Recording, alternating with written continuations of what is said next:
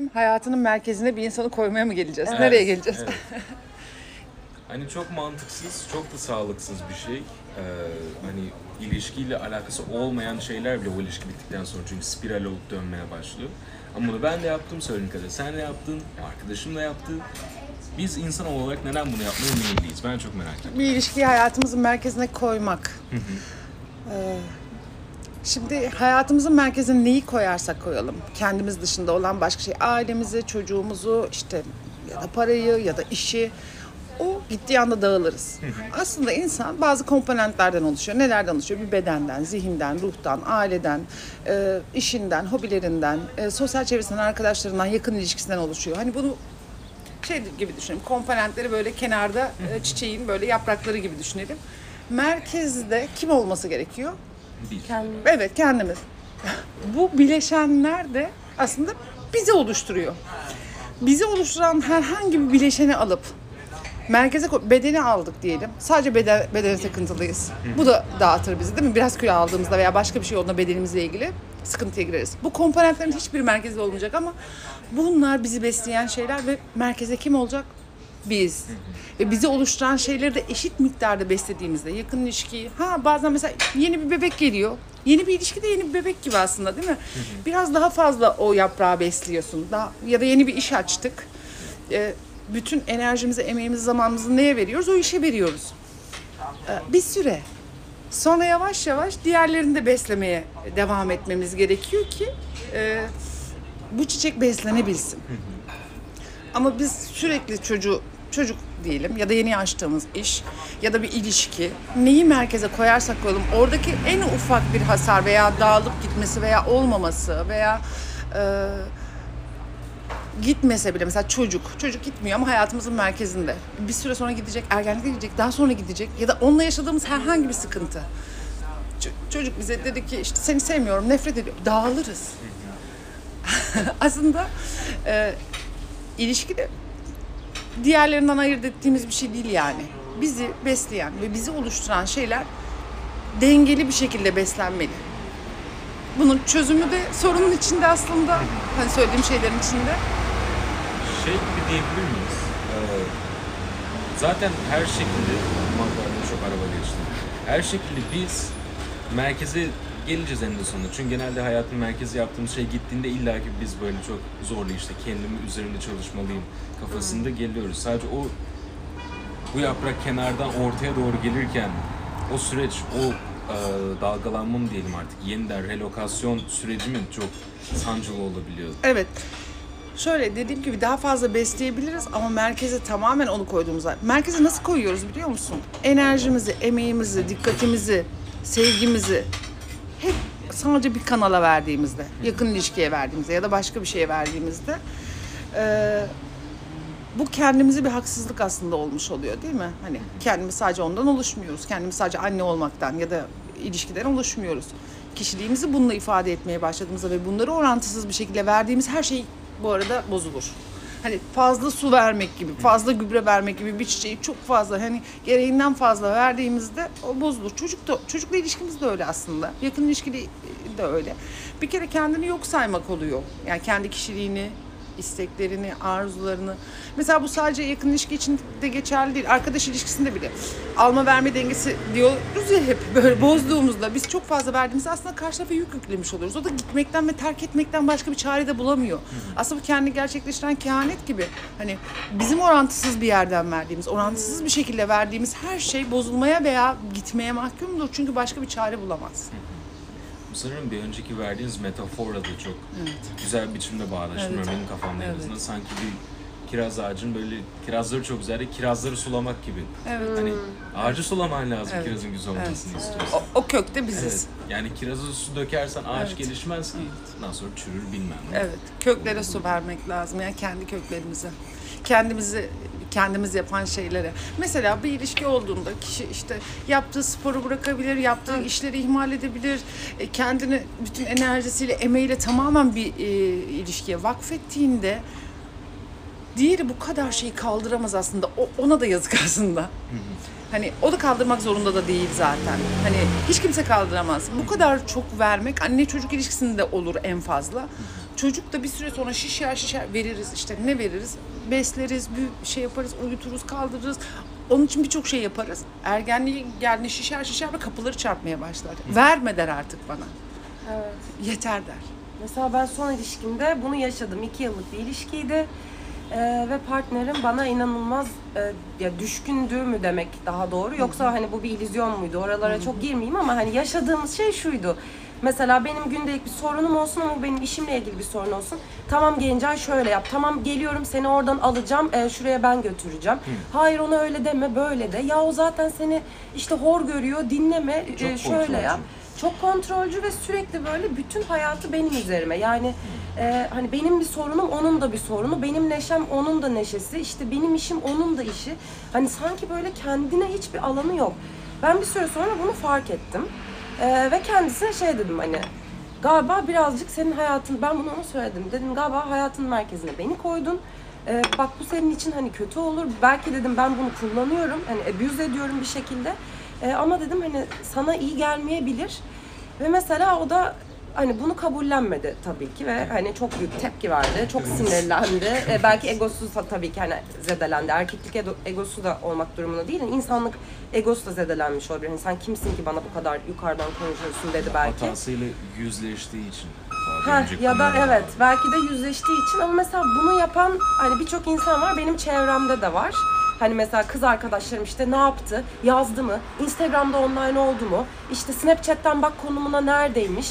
Ee, işte neden bana şu an beni aramıyor? Kimlerle acaba yemekte filan hani böyle takıntılar yapabiliyoruz, merkezimize koyabiliyoruz. Bu insanlar gerçekten ne yapmalı da e, bu döngüden çıkmalı? Yani çünkü bu benim de gördüğüm çok Bu, bu e, yaygın anlattığın, bir şey. bu son anlattığın kaygılı bağlanma modeli aslında. Sürekli sürekli bağlantıda kalma ihtiyacı da çok sağlıklı değil. Güvenli bağlanma paterninde değil yani. Ebeveynlerimizle başlıyor kaygılı bağlanma modeli. İşte ne yaptı? Bana yani sürekli iletişim halinde kalma e, isteği, ihtiyacı sağlıklı bir ihtiyaç değil. Zaten güvenirsin. Neye güvenirsin? Ona değil kendine güvenirsin. Yani e, kendinin yaşadığına. Ha gitmek yapmak başka bir şey istiyorsa zaten yapacak. Sen nasıl engel olabilirsin? Hani gelse, yazsa, etse hani bu engel olunabilecek bir durum değil. Kontrol edebileceğimiz bir şey Şey, değil. öyle dışarıda çıkma, partiye de gitme, ben olmadan oraya da gitme, buraya gitme. Ne kadar kısıtlarsan kısıtla, yapacağı varsa yapacaksın. Evet. Bırak yapsın. Yapacaksa anlayacaksın. Demek Evet. ki yapacak. Hızlı yoldan anlayacaksın, Evet. kısa yoldan anlayacaksın. Orada biraz kendimizle kurduğumuz bağ koptuğu için belki de Evet. dışarıya ilgi ve Evet. şey yapmaya başlıyoruz. O zaman yani böyle bir döngüden kurtulmak için sevdiğimiz şeylere ya da hani birazcık kendimizle mi ilgilenmeye Evet. başlamalıyız? Üretken olmayan, üretken olmayan e, bir zihin, bir kişi. Üretken olmak derken ders çalışmak üretken olmak, iş yapmak üretken olmak, arkadaşlarla sosyalleşmek. Hareketli olmak hayatta. Evet. Ha, hayatta evet hayatta etkin bir şekilde üretken olmak, e, fikir üretmek, müzik üretmek. Yani üretken olmak o kadar hayatı anlamlı ve keyifli kılan bir şey ki. Sen üretken sen zaten hani sadece yakın bir ilişkiye kendini bağlamıyorsun. Zaten doyumu kendi hayatından alabiliyorsun. Ama bu şey değil sadece iş doyumu gibi düşünmeyelim. Hani kurduğumuz bağlar, aile bağları, akraba bağları hani bunların hepsi bizi besliyor ya. Ee, O yüzden eğer bunlar boşsa yoksa biz beslemediysek, biz beslenmediysek e, tek bir kişiyi e, bizi mutlu etmekten sorumlu kılmaya çalışıyoruz. E, Ama bu sefer de ne oluyor? O çok ağırlık hissediyor. Yani şey hissetmese bile yani e, birebir söylemesek bile bunu sez- sezgisel bir şey. Mesela ayrılıklarda da çok ilginç. Mesela bazen ayrılıkla ilgili e, geliyorlar. Ayrıl yani yola birlikte çıkıldığında, bağlanıldığında, güven hissi oluştuğunda bir ilişkinin çat diye bitmesi çok dramatik bir şey. Çok ruhsal bir işkence gibi bir şey evet. E, ve takıntı yapabiliyoruz işte neden olmadı, şöyle yapsaydım daha mı iyi olurdu, böyle yapmasaydım şöyle olur muydu gibi. Kasparov kafasına dönüyor. Ee, hangi hamleyi yanlış yaptın? Halbuki o kadar komplike bir şey mi gerçekten? Aslında eee, şöyle diyorum, eee, zihinsel düşüncelerimiz doğal olarak neyi yanlış yaptığımızla ilgileniyor ya ayrılıktan sonra.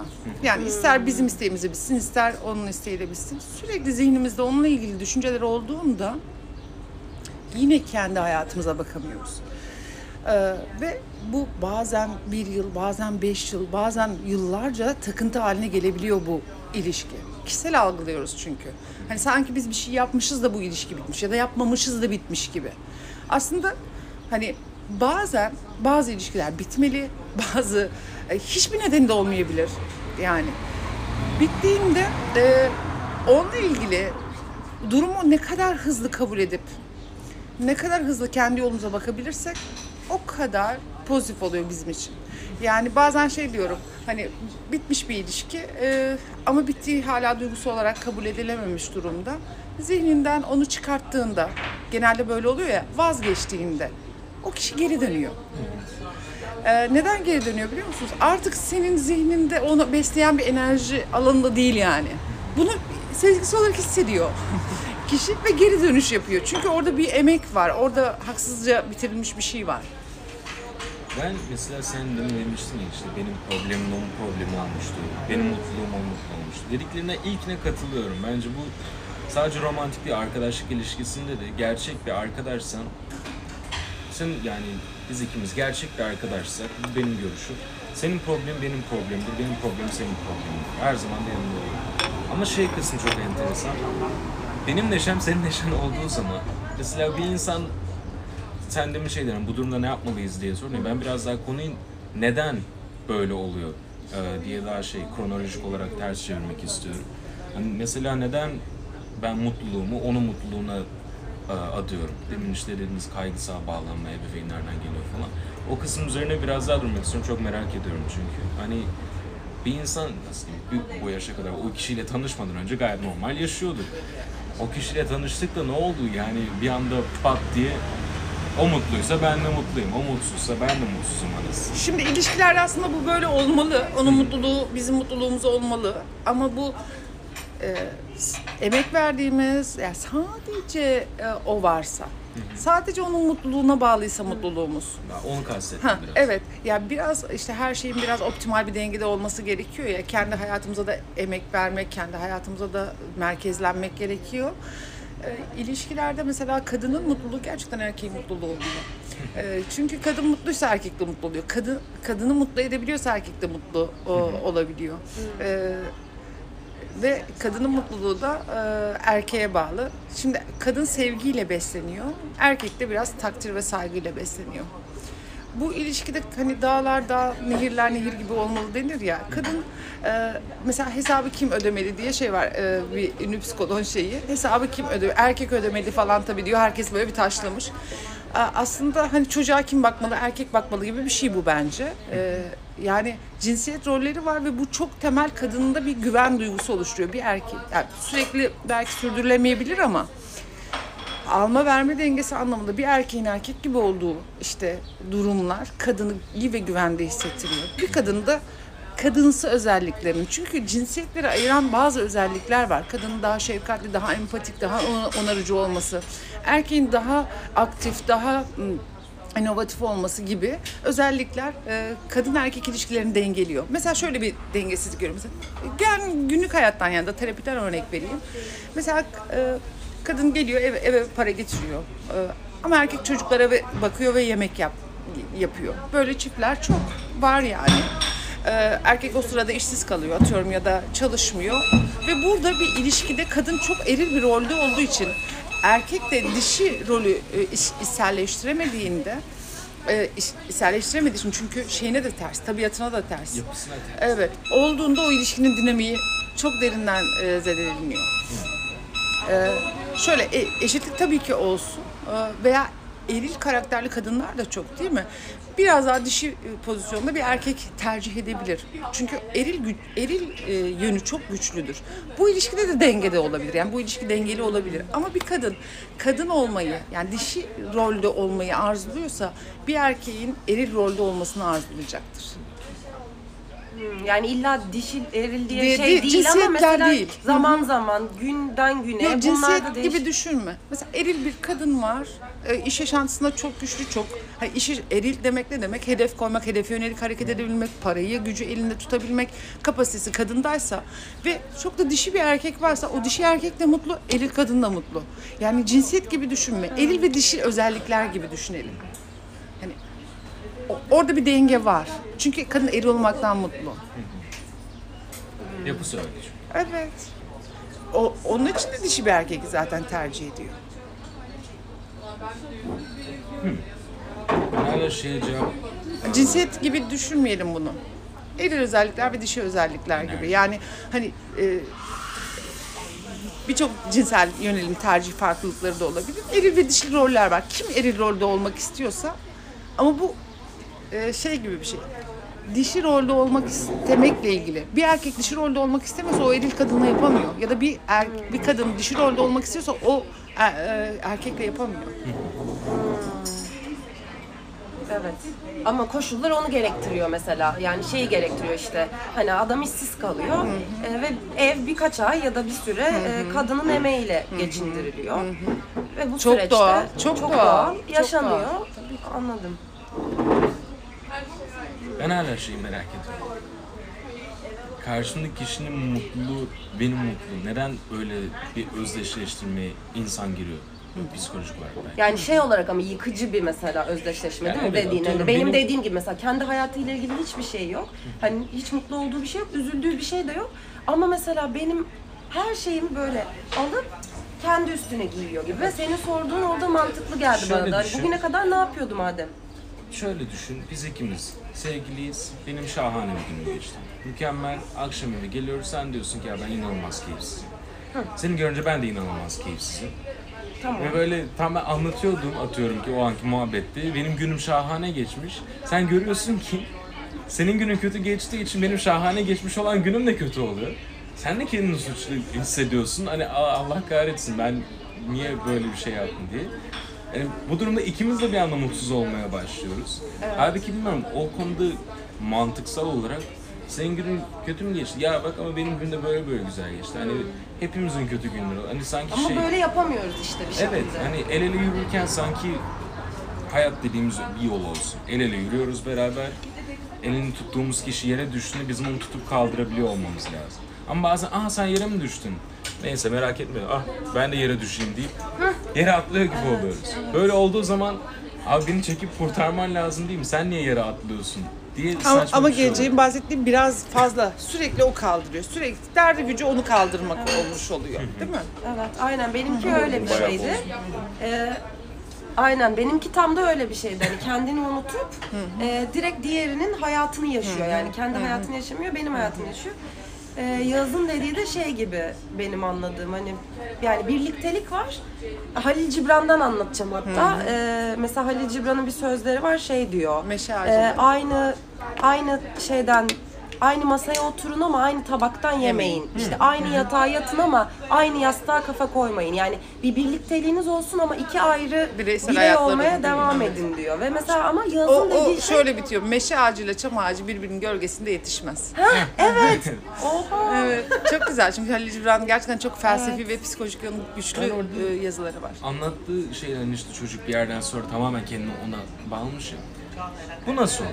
Yani bu çocuk böyle teoriksel olarak şu anda çocuğu o kadar da iyi bilmediğimizi ele alırsak Hani bu çocuğun başına gelmiş, bu çocuk nasıl bir biçimde büyümüş, yetişmiş veya işte yapısında ne varmış ki bunu yapmaya meyilli. Çünkü Aileyle ilişkisi hiç yoktu mesela benim bildiğim. Arkadaşlarıyla bağda kopuktu. Aynı şey mesela nasıl diyeyim daha ergenlikteyken ben de yaptım hani böyle hoşlandığım bir tane kız var ama hoşlanıyordum sadece crush gibi düşün. Tek taraflı. O kız mutluysa ben de mutluyum. O kız mutsuz ben de mutsuzum. Hani sanki bir yerden sonra kendi hayatım yokmuş gibi. Hayatım Adıyorsun. olmuş. Evet.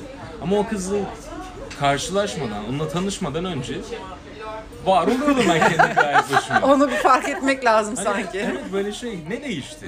Orada mesela bazen çünkü sarının nasıl kırmızıya dönüştüğünü fark etmiyoruz. Arada sadece bin bir türlü turuncu oluyor. Hiçbir zaman sadece kırmızı olma, aa işler buraya nasıl geldi diyebiliyoruz. Evet. Hani Bir ar- uyanıyoruz ki Evet. kıpkırmızı oldu. Aradaki o bin bir türlü turuncuyu nasıl gözler... Geçildi, evrildi. Evet yani şey onu nasıl göremiyoruz mesela? Hani bir tık daha bu işte e, tencerede kaynayan suda olan kurbağa şey var ya metaforu. Hani onun gibi biz mesela neden bunu yapmaya meyilliyiz? Ben birazdan neden kısmını çok merak ediyorum. Şimdi e, ergenlikte daha şey yok ya, e, e, nasıl diyeyim, kişiliğin oluşma dönemi. Hataların yapılma dönemi. Hangimiz yalan söylemedik, bir şey almadık, çalmadık veya işte evet e, deneye deneye. Şimdi ilişki de öyle bir şey yani deneye deneye, hata yapa yapa e, gerçekten kendi benliğini oluşturabiliyorsun. Mesela böyle bir şey yaşanmaması ben bundan önce ne yapıyordum ya? Benim bir benliğim var. Algısı oluşmayacaktı belki de. He, yani burada bir gelişim süreci var aslında. Ee, ilişkiyle, biz ilişki aracılığıyla kendimizi tanıyoruz biliyor musunuz? Yani biz kendi kendimize bir ıssız adada olsak kendi kendimizi tanıyor muyuz? İlişkiler aracılığıyla kendimizi tanıyoruz. Benlik böyle oluşuyor. Annenin söylediği, babanın söylediği, arkadaşının söylediği e, bir e, ilişki aracılığıyla bir benlik oluşturuyoruz aslında. Ve bazen zorlayıcı hani şeyler işte bu e, başkasının adamak kendini, onun mutluluğuyla mutluluk duymak, kişinin tamamen onunla özdeşleştirmek bu yapıldığında ve fark edilip çıkıldığında artık güçlü bir kişilik olmuş oluyor. O hayatın çarpa çarpa Evet, öğretme öğretmesi gibi. buradan bağlayabiliriz. ben bu işte e, ilişkilerle kendimizi tanıyoruz dediğinizde bilmiyorum benim hep çok kalbime yakın tuttuğum bir söz vardır. O da algı gerçekliktir diye. E, bunun onunla alakası böyle var mı? Nasıl algılandığımız bizim bu kadar e, ne olduğumuz, kim olduğumuzu belirliyor olabilir mi? O yüzden de bizi algılayacak kimse yoksa bir adada biz tek başımızayken o yüzden aslında gerçekten var oluyor muyuz? Yani çok felsefi bir şey çevirdim, affedersiniz ama e, öyle bir biçimde bağdaştır, bağdaşlaştırabilir miyiz? Bağdaştırabilir miyiz? Gerçekten var oluyoruz ama benlik algımız, tekrar söylüyorum, var oluyoruz, yiyoruz, içiyoruz ve yaşamda kalıyoruz, survive ediyoruz ama benlik algımız başkaları, yani kişiler arası ilişkiler aracılığıyla bir benlik oluşuyor, bir karakter oluşuyor. Gerçekten var olduğumuzu kendimiz biliyoruz o kadar. Düşünüyorum öyleyse. Evet, sohbet nasıldı? Bence gayet güzel. Bence de bu ne kadar olmuş? Bu da 22 22 dakika olmuş. Vay be. Neyse ama çok iyi, çok iş çıkardık. Çok ekmek çıkarsa buradan. Çıkar